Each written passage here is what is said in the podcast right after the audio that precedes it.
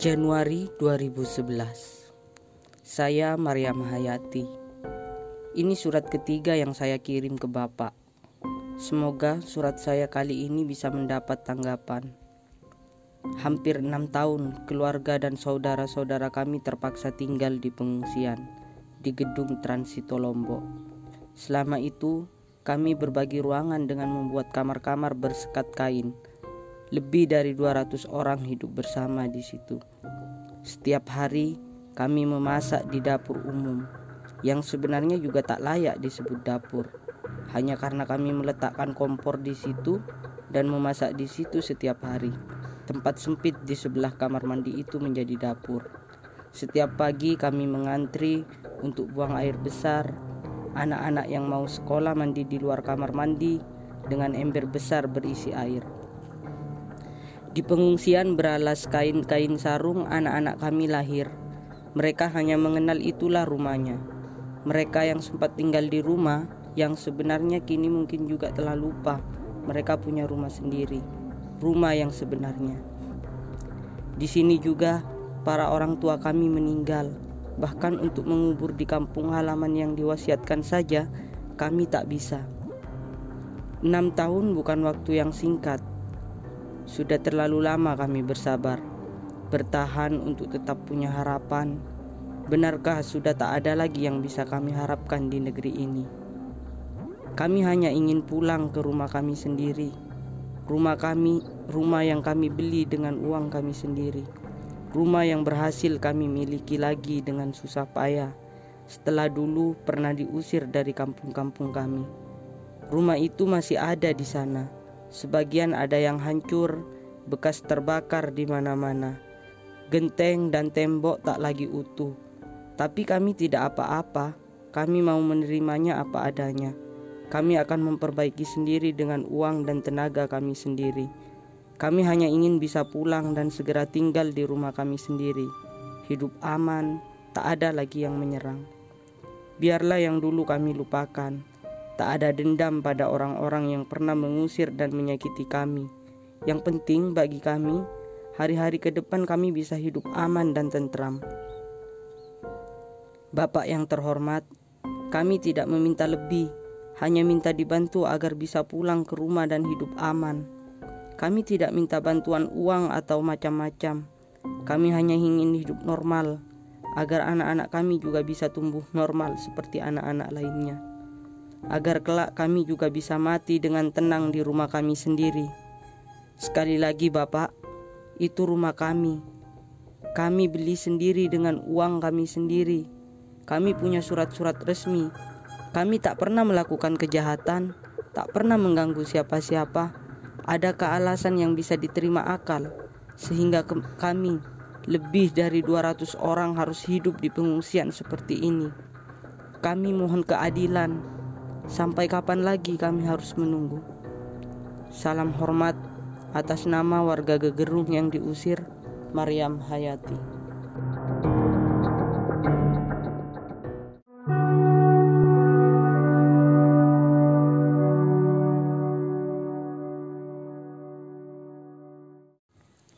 Itulah tadi surat dari Maryam Hayati yang merupakan epilog dari novel yang akan saya bahas. Oke, sebelumnya saya ucapkan selamat datang kembali kepada teman-teman dengerin buku. Kali ini saya akan membahas masih dari novelnya Oki Madasari dengan judul yang diambil dari tokoh utamanya tadi yang sudah sempat saya bacakan suratnya yaitu Maryam. Nah, novel Maryam ini uh, meraih Katulistiwa Liter Literary Award 2012. Nah, dan setelah saya baca memang pantas novel ini mendapatkan penghargaan tersebut uh, karena di sini pesannya sangat kuat jadi di sini toko utamanya hanya satu, toko yang lain tidak banyak dibahas eh, dan tema yang diangkat pun oleh uh, Oki Madasari yang diangkat sangat fokus yaitu temanya tentang toleransi dan kemanusiaan. Nah, jadi uh, saya sangat rekom novel ini untuk teman-teman semua. Uh, karena novel ini mengangkat uh, gambaran nyata tentang pesan-pesan uh, tadi tentang pentingnya harusnya toleransi dan kita menghargai yang namanya kemanusiaan. Novel ini diangkat dari kisah nyata yaitu kejadian di Lombok, di Pulau Lombok tentang konflik antara uh, Ahmadiyah dengan orang-orang yang tidak menyukai Ahmadiyah. Nah, dan menariknya di sini Oki Madasari uh, sangat sensitif ya. Dia tidak uh, tidak membahas Ahmadiyah itu sesat atau tidak ya walaupun di buku ini disinggung tapi hal-hal seperti itu dihindari dan yang diangkat sebenarnya pesannya oleh Oki Madasari lagi-lagi tentang toleransi dan kemanusiaan. Jadi di sini tidak pernah membela buku ini tidak pernah membela Ahmadiyah secara akidah atau secara syariah, tapi buku ini hanya memberikan gambaran kepada kita bagaimana seharusnya kita bersikap, bagaimana kita harusnya merespon perbedaan yang ada di sekitar kita. Oke, jadi langsung saja uh, seperti yang saya sudah sebutkan tadi, tokoh utamanya Maryam. Di sini pun diawali dengan uh, kisahnya Maryam ini. Jadi Maryam kecil ceritanya dari SD sampai SMA dia masih bersekolah di kampungnya ya di Lombok di Lombok sana sampai akhirnya dia kuliah baru keluar dari Lombok. Nah, masa kecil Maryam ini e, berjalan normal seperti anak-anak lainnya walaupun dia dari keluarga Ahmadiyah. E, kemudian juga keluarganya pun dihormati oleh tetangga-tetangganya yang bukan Ahmadiyah. Nah, bahkan tetangga-tetangga sekitar Maryam itu yang nelayan banyak menjual ikan-ikannya kepada Pak Herudin yang merupakan ayah ayah Maryam yang profesinya sebagai tengkulak mengambil ikan dari nelayan-nelayan di tetangganya untuk dijual kembali.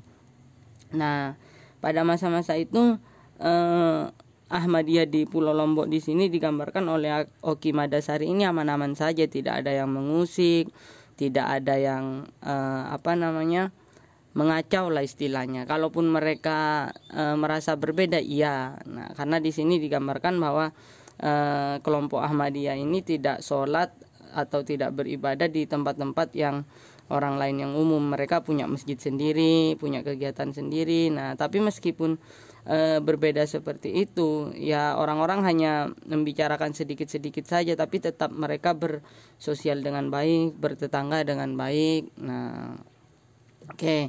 Uh, jadi sebelum masuk ke konflik uh, antara Ahmadiyah dengan orang-orang sekitarnya, Oki Madasari ini memberikan ceritanya alurnya dari kehidupan pribadi Maryam terlebih dahulu. Nah, Maryam ini karena orang tuanya bisa dibilang berkecukupan ya, walaupun bukan yang kaya raya banget, ya, dia juga uh, apa mendapatkan apa yang dia butuhkan semasa kecil itu sampai SMA kemudian juga dia uh, cukup cerdas di sini. Nah hingga akhirnya dia uh, berhasil kuliah di perguruan tinggi negeri di Surabaya.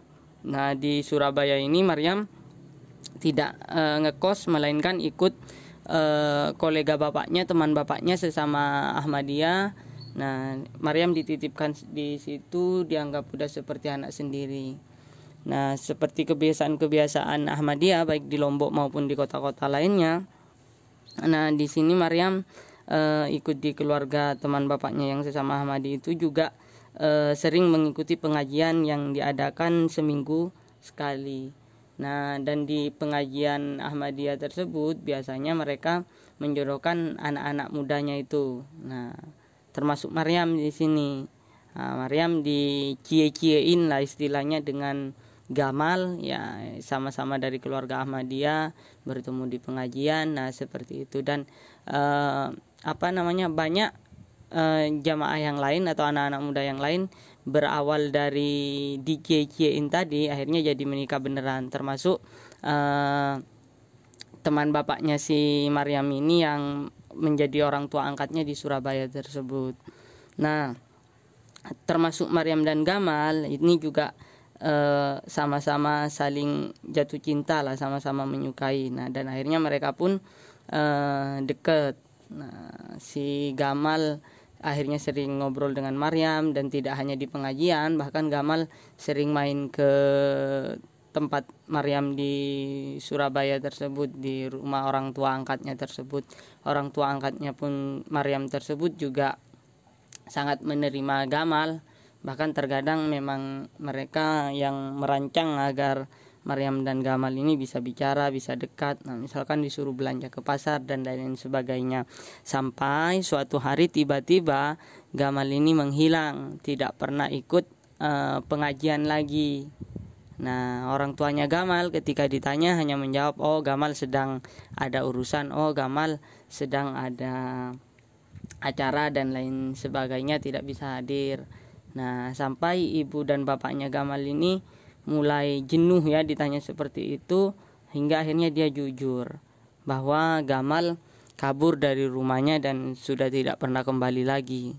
Nah, setelah ibunya menangis, ibu Gamal menangis, dia menceritakan semuanya, bagaimana Gamal bisa pergi dari rumahnya dan lain sebagainya. Nah, jadi eh, selesai acara kampusnya yang KKN atau penelitian gitu ya, eh, si Gamal ini pulang ke rumahnya udah dengan kondisi yang berbeda. Nah, tapi bapaknya awalnya hanya biasa saja menanggapi dengan ibunya masih belum terlalu curiga. Nah, ketika diajak ke pengajian, Gamal selalu menolak. Nah, bapaknya masih oh mungkin lagi capek dan lain sebagainya biasalah anak muda. Nah, sampai suatu ketika Gamal mau berangkat kuliah terjadi cekcok dengan bapaknya. Bahkan eh, si Gamal ini menghina eh, tokoh yang sangat dihormati dalam eh, apa ajaran Ahmadiyah Mirza Gulam Ahmad. Nah dari situ bapaknya sangat marah besar dan akhirnya Gamal pergi dari rumahnya minggat dan tidak kembali. Nah setelah mendengar cerita itu Maryam menjadi sedih nah karena dia tidak bisa lagi apa uh, kehilangan sosok Gamal dan dia bukan tipe cewek yang gampang jatuh cinta atau menyukai laki-laki. Nah pada saat uh, Gamal dekat dengan Maryam ini orang tua angkat Maryam yang di Surabaya ini sudah mengabari orang tua kandung Maryam di Lombok. Nah orang tuanya di Lombok juga sangat senang sampai akhirnya men, uh, mendengar kabar bahwa si Gamal ini uh, telah hilang dan lain sebagainya. Nah tapi Maryam percaya hidupnya harus terus berjalan. Akhirnya dia uh, berusaha kembali normal walaupun dia masih sering teringat tentang Gamal.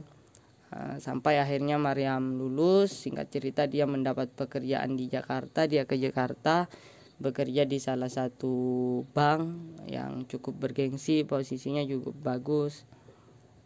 Nah di sini di Jakarta ini eh, Maryam sudah tidak lagi dekat dengan lingkungan Ahmadiyahnya. Karena di sana dia sudah ngekos sendiri tidak punya kenalan sesama Ahmadi dan lain sebagainya. Di situ Maryam uh, sudah ini sudah apa namanya tidak lagi ikut pengajian rutin. Nah tetapi uh, dia masih apa namanya percaya dengan keyakinannya tersebut nah orang tuanya sering menanyakan juga Maryam sudah punya pacar atau belum? Kapan menikah? dan lain sebagainya. Uh, sampai uh, suatu hari orang tuanya menjenguk ke Jakarta. Nah, Maryam mengenalkan sosok alam. Alam ini uh, salah satu sosok yang berhasil membuat Maryam uh, menghilangkan bayang-bayang gamal. Nah, walaupun juga ketika dia melihat alam seolah-olah dia masih sering teringat pada gamal tapi alam ini termasuk salah satu laki-laki yang bisa membuat Maryam jatuh cinta lagi nah ketika tahu anaknya dekat dengan laki-laki yang di luar keluarga Ahmadi, orang tua Maryam agak kurang setuju dan sudah melarangnya.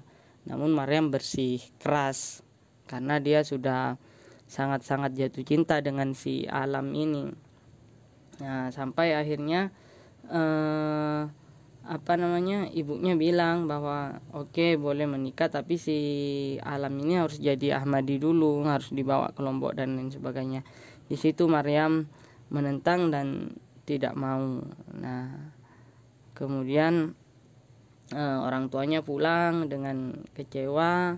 Maryam ya masih biasa bekerja kemudian juga hubungannya dengan alam masih baik-baik saja. Kemudian juga Maryam ini sempat pulang ke Lombok meminta restu ketika dia akan menikah. Ya justru bukan restu yang didapat malah pertengkaran di situ.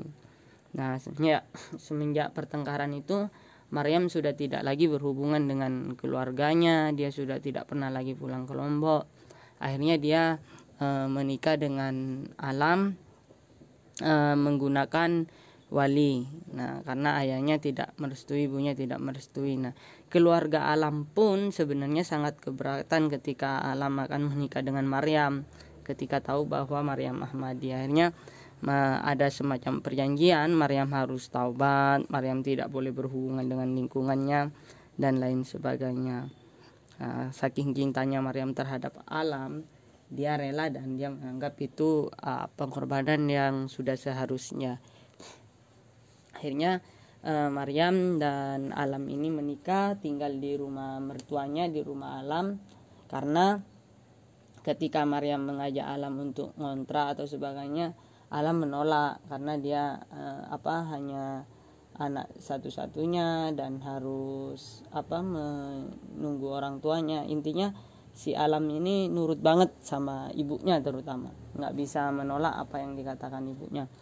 Nah namun Maryam ini eh, awal-awal dia mencoba apa ya mengorbankan seluruh perasaannya dengan diskriminasi dari ibu alam tersebut sering disinggung-singgung bahwa dia sesat dan lain sebagainya. Ibunya ini juga sering mengadakan pengajian yang di mana ceramahnya itu selalu seolah-olah menyinggung Maryam. Maryam merasa seperti itu. Namun dia cepat-cepat membuang sangkaan itu. Mungkin dia merasa terlalu sensi dan lain sebagainya. Tak hanya di situ pengorbanan Maryam. Kemudian ketika Maryam belum hamil juga mertuanya ini terus menanya mengejar dan lain sebagainya. Hal tersebut membuat Maryam jenuh membuat uh, hubungan Maryam dan alam pun akhirnya jadi agak rusak. Nah sempat mereka kabur ya dalam tanda kutip bermulan bermulan madu untuk menghilangkan stres dan lain sebagainya. Namun ketika kembali ke rumah uh, hal yang sama terjadi lagi. Sampai akhirnya Maryam tidak kuat dia meminta cerai dari suaminya Alam ini. Nah, ketika bercerai ini dia tinggal di hotel dan apa ya semacam udah serba kehilangan dia. Dia kehilangan uh, suami kehilangan orang yang dikasihin ke dikasihinya kehilangan keluarganya sendiri karena dia sudah bertahun-tahun memutus hubungan dengan keluarganya gara-gara pertengkaran terakhir ketika dia meminta restu. Sampai akhirnya Maryam memberanikan diri pulang ke Lombok. Nah, dia pulang ke Lombok ke kampungnya lagi di Gerupuk. Nah, yang menarik adalah ketika dia pulang itu tidak ada orang yang mengenalinya. Nah, ketika yang dia temui anak-anak muda, dia berpikir mungkin oh wajar. Mereka di bawah saya dan saya kan di Lombok hanya sampai SMA kemudian setelah kuliah dan seterusnya saya sudah tidak kembali ke Lombok. Nah namun yang bikin Maryam tambah uh, bingung lagi ketika ada orang yang harusnya mengenal dia tetangganya malah pura-pura tidak kenal dan semacam ketakutan. Nah sampai Maryam di depan pintu rumahnya di halaman rumahnya dia hanya melihat dari jauh awalnya karena di situ dia masih apa ya ragu untuk menemui orang tuanya apakah dia akan diterima apakah dia akan dimaafkan atau malah bahkan diusir. Nah sampai di halaman rumahnya tersebut dia masih memandang dari jauh kemudian ketika mendekat nah dia menemui seseorang yang dikenalnya yaitu Jamil. Nah Jamil ini e, bisa dibilang pembantunya bapaknya ya orang yang bekerja ke Bapak Maryam. Nah, dan Maryam berpikir tidak mungkin orang ini tidak kenal. Nah, awalnya eh, semacam tidak kenal juga si Jamil ini, tapi kemudian dia eh, apa mencoba mengingat dan udah pasti kenal karena lima tahun sebelumnya si Maryam udah sempat pulang berbeda dengan tetangga-tetangga lainnya yang mungkin lebih dari lima tahun tidak bertemu Maryam. Nah, di situ Jamil menceritakan semuanya bahwa bapaknya Bapak Maryam, Pak Hairudin dan ibunya sudah tidak di situ beserta adik Maryam juga sudah tidak di situ karena diusir oleh warga sekitar. Nah, Jamil menceritakan semuanya. Pak Hairudin masih bernasib baik, rumahnya tidak dirusak karena uh, sebelum warga marah, Pak Hairudin sudah memilih meninggalkan rumahnya. Berbeda dengan di kampung-kampung di desa sebelah yang sampai dibakar dan lain sebagainya. Nah, di situ Maryam e, marah, kecewa, semuanya bercampur aduk.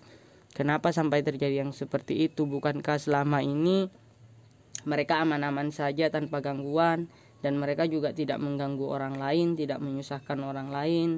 Uh, bahkan uh, keluarga Pak Hairudin ini sering membantu tetangganya tadi.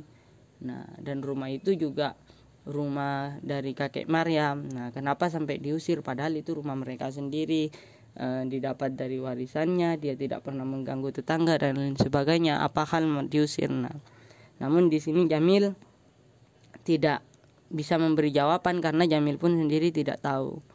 Nah, akhirnya Maryam bingung mau mencari orang tuanya ke mana. Jamil juga tidak tahu, tidak memberi petunjuk.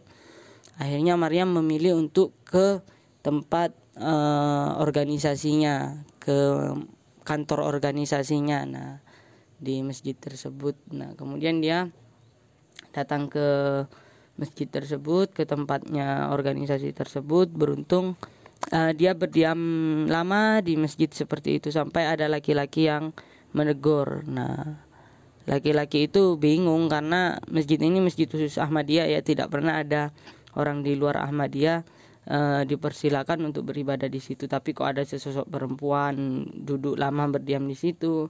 Nah akhirnya Maryam memberanikan diri berkenalan menyebut nama bapaknya. Mendengar nama Pak Herudin orang tersebut langsung paham. Nah karena Pak Herudin ini salah satu sosok juga yang dihormati di Ahmadiyah di Lombok. Nah akhirnya uh, Maryam dipertemukan dengan ketua organisasi diceritakan lagi kejadiannya kurang lebih e, sama seperti yang diceritakan Jamil.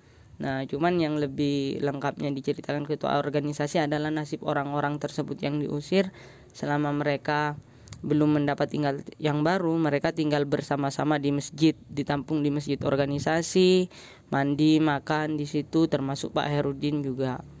Nah, di situ Maryam semakin sedih karena di saat keluarganya kesusahan, Maryam uh, tidak tahu tidak tahu apa-apa dan bahkan dia mungkin masih bersenang-senang waktu itu. Nah, akhirnya uh, berdasarkan petunjuk ketua organisasi tersebut, Maryam uh, diberikan alamat orang tuanya salah satu kampung di pinggiran Mataram tapi jauh udah apa namanya uh, bisa dibilang desa nah di situ dia bertemu bapaknya, dia bertemu dengan ibunya. Uh, untung juga uh, ada adiknya waktu itu Fatima yang bisa mencairkan suasana. Nah, orang tuanya uh, di sini juga hanya menangis saja tidak menanyakan apa aja yang terjadi selama ini terhadap Maryam dan bla bla bla bla. Nah, Maryam hanya berbicara dengan adiknya Fatima. Di situ juga Maryam tahu bagaimana perjuangan keluarganya untuk mendapatkan tempat di rumah yang baru tersebut. Jadi ada satu komplek perumahan yang dibangun dan tidak laku dijual sampai bertahun-tahun. Nah, akhirnya dibeli dengan harga murah oleh organisasi dengan uh, perjanjian bahwa orang-orang yang bertempat di situ tidak diberi gratisan oleh organisasi, tapi mereka berhutang terhadap organisasi. Nah, termasuk Bapak Maryam di situ yang memulai hidup barunya dengan tetangga baru, rumah baru, pekerjaan yang baru. Nah, kali ini Pak Hairudin bekerja sebagai tengkulak sayur kalau dulu ikan.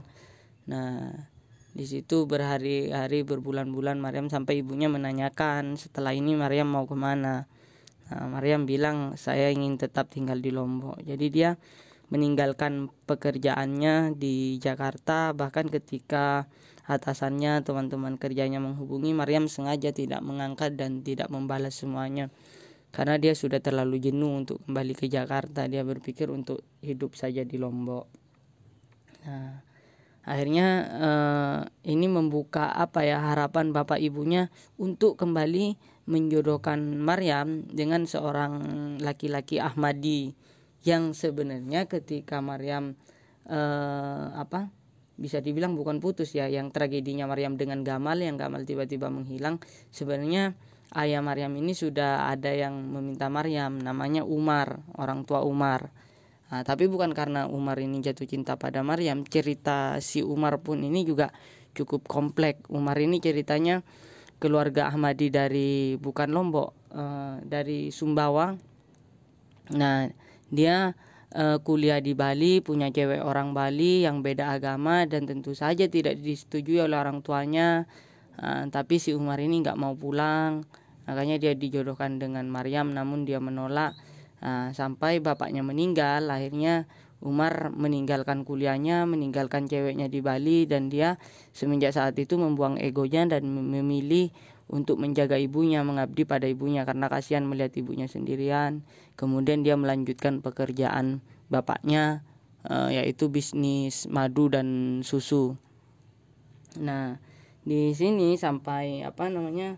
e, bertahun-tahun si Umar ini juga dijodohkan dengan perempuan Ahmadi lain juga tetap menolak tidak ada yang berhasil e, membuatnya tertarik sampai ibunya akhirnya menyerah dan sudah tidak lagi membahas soal jodoh-jodoh nah sampai dia mendengar kabar dari Pak Hairudin bahwa anak Pak Hairudin Maryam sudah kembali walaupun sekarang statusnya sudah janda namun e, Maryam di sini masih belum punya anak nah hanya kedua orang tua ini uh, orang tuanya Maryam sama orang tuanya Umar ini kembali menyusun strategi untuk bagaimana menjodohkan Maryam dengan Umar.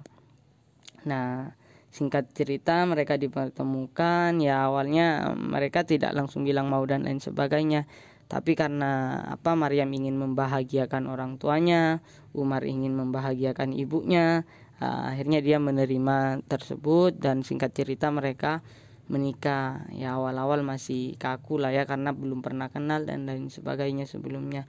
Nah sampai akhirnya mereka mulai akrab dan lain sebagainya. Nah oke singkat cerita tiba-tiba uh, Maryam sudah hamil kali ini tanpa paksaan dan tanpa direncanakan. Jadi Maryam dan Umar sangat enjoy dan sudah apa ya udah satu pemikiran bukan seperti pernikahan Maryam sebelumnya.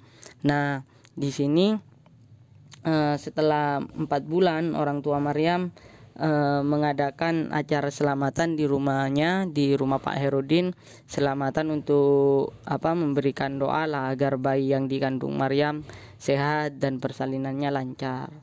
Nah waktu itu ceritanya sedang bulan puasa bulan Ramadan. Nah orang-orang juga sambil mempersiapkan buka puasa sambungannya. Namun di sini di tengah-tengah ustadznya memberikan ceramah di dalam selamatan acara empat bulanannya Maryam ini e, suara ustadz tersebut beradu dengan suara ceramah dari masjid. Nah, masjid yang non Ahmadiyah ya. Nah di sini orang-orang sedikit terdistract ininya konsentrasinya. Tapi e, ustadz tersebut mencoba menenangkan. Nah namun ternyata setelah didengar-dengar lagi di masjid tersebut e, berceramah menyinggung tentang aliran sesat Salah satunya yang disebut adalah Ahmadiyah ini.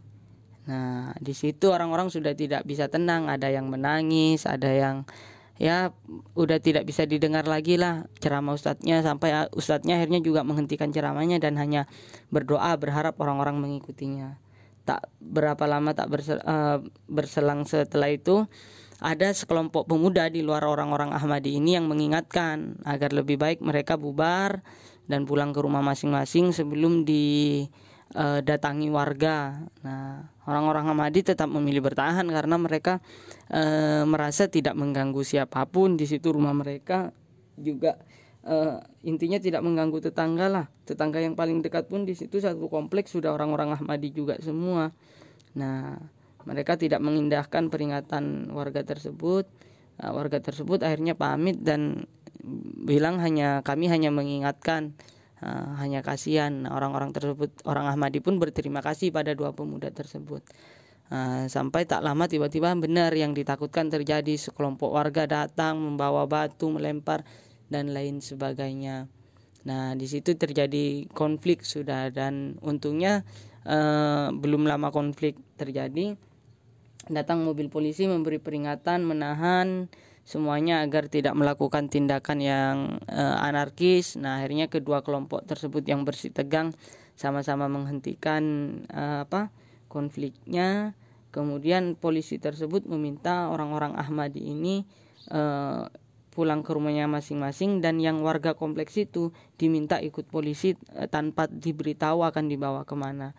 Tentu saja orang-orang Ahmadi ini menolak karena uh, ini rumah mereka. Kenapa mereka yang harus pergi? Harusnya orang-orang sana yang disuruh pergi. Nah, namun polisi memberi pilihan ya silakan bertahan di sini kalau pengen meninggal atau ikut kami. Nah, yang orang laki-lakinya Ahmadi ini tetap bertahan awalnya sampai yang istri-istrinya juga diketok yang bersembunyi di dalam rumah sama polisi diberitahu uh, akhirnya ada apa batu yang menembus kaca rumah seperti itu yang wanita-wanita ketakutan memilih ikut polisi. Nah, akhirnya karena yang sudah perempuan-perempuannya ini semuanya ikut polisi, yang laki-lakinya pun mengalah. Jadi orang-orang Ahmadi ini memilih mengalah yang e, berada di luar kampung itu rumahnya mereka pergi ke rumahnya masing-masing. Yang orang perumahan situ ikut polisi semua dibawa satu truk. Ternyata mereka dibawa ke satu bangunan yang e, tersebut dalam surat Maryam tadi ya gedung transito tempat dikumpulkannya para para apa orang yang mau bekerja ke luar negeri. Nah, mereka dikumpulkan di situ. Awalnya dibilang hanya untuk sementara. Namun sampai berminggu-minggu, berbulan-bulan bahkan bertahun-tahun tidak ada tindakan lagi dari pemerintah untuk mengembalikan mereka ke rumah yang mereka miliki. Nah, mereka juga ketua organisasi bersama Maryam dan Umar sudah berulang kali menemui uh, gubernur mereka juga tidak ada tanggapan apa-apa. Sampai akhirnya mereka akhirnya uh, apa ya, udahlah semuanya sia-sia. Nah, bahkan upaya dari media, dari aktivis-aktivis HAM dan lain sebagainya mental tidak ada yang uh, apa bisa membantu mereka lagi Nah, padahal itu rumah mereka sendiri dan lain sebagainya sebagaimana tadi disebutkan dalam surat Maryam, mereka tidak minta apa-apa, hanya minta dijamin keamanannya aja. Walaupun mereka rumahnya hancur, mereka akan tetap menerimanya. Namun lagi-lagi eh, tidak ada yang bisa menolong. Bahkan Umar dan Pak Hairudin sempat mencoba kembali ke rumahnya tersebut, mau diam-diam dan dihajar lagi sama warga. Kejadian itu yang membuat mereka tidak berani lagi untuk kembali ke kampungnya, ke rumahnya masing-masing dan akhirnya memilih bertahan di pengungsian tersebut yang sangat-sangat apa adanya. Nah, yang bikin menariknya lagi di sini konfliknya terus memuncak ya yang dituliskan oleh Oki Madasari ini. Dan terakhir yang membuat saya sangat uh, apa ya? Sangat bersimpati dan bisa dibilang cukup emosi juga. Dan bikin saya bergetar adalah ketika Pak Hairudin ini meninggal di meninggal tabrakan ceritanya Pak Hairudin ini. Kemudian dari rumah sakit dibawa ke pengungsian dimandikan disolatkan dan segala macam. Setelah mau dimakamkan orang-orang bertanya ke Maryam mau dimakamkan di mana? Kemudian uh, Maryam bilang mau bertanya ke ibunya. Ibunya menjawab bahwa bapaknya meminta uh, dimakamkan di kampungnya dahulu, bukan di Gerung tapi di Gerupuk. Tempat kakeknya juga meninggal dikubur di situ. Nah, akhirnya, ayo cepat kata ke organisasi, ketua organisasi dibawa ke Gerupuk. Ketika mau dikubur, nah setelah berhasil membuat lubang dan lain sebagainya, tiba-tiba datang ketua RT dan yang sempat bertemu Maryam juga sempat mengusir Maryam waktu Maryam bermain ke rumah temannya. Nah, mayat pun diusir. Nah, hal ini yang membuat saya pribadi cukup tergetar kok sampai segitunya. Bahkan orang yang sudah menjadi mayat ditolak hanya gara-gara berbeda keyakinan. Nah, akhirnya daripada terj eh, sempat terjadi pertengkaran namun eh, ketua organisasi menghentikannya dan udahlah kita mengalah dimakamkan saja di Mataram. Nah, begitulah cerita dari apa? Maryam ini. Jadi uh, mungkin yang saya sampaikan uh, kurang mengena. Jadi kalau teman-teman lebih pengen paham lagi terutama mungkin yang dari Lombok ya belum tentu juga yang dari Lombok uh, tahu mengenai konflik ini. Bahkan saya pada konflik ini masih belum mengerti apa-apa. Makanya saya juga sempat menelpon teman saya yang di Lombok. Katanya dia tidak tahu persis ceritanya tapi dia sempat melihat gedung bekas Ahmadiyah ini yang kondisinya pada saat teman saya melihat itu juga masih hancur. Tidak ada perbaikan apa-apa dan segala macamnya. Oke itu saja teman-teman mungkin yang tertarik membaca kisah Maryam yang pesannya sekali lagi bukan soal salah benarnya tentang Ahmadiyah ya, tapi di sini tentang toleransi terhadap orang yang berbeda keyakinan beserta kita seharusnya menaruh sisi kemanusiaan kita itu di atas segalanya. Di pembukaan pun Oki Madasari mengatakan di buku ini untuk mereka yang terusir karena iman. Oke, sekian terima kasih. Selamat bertemu di episode berikutnya.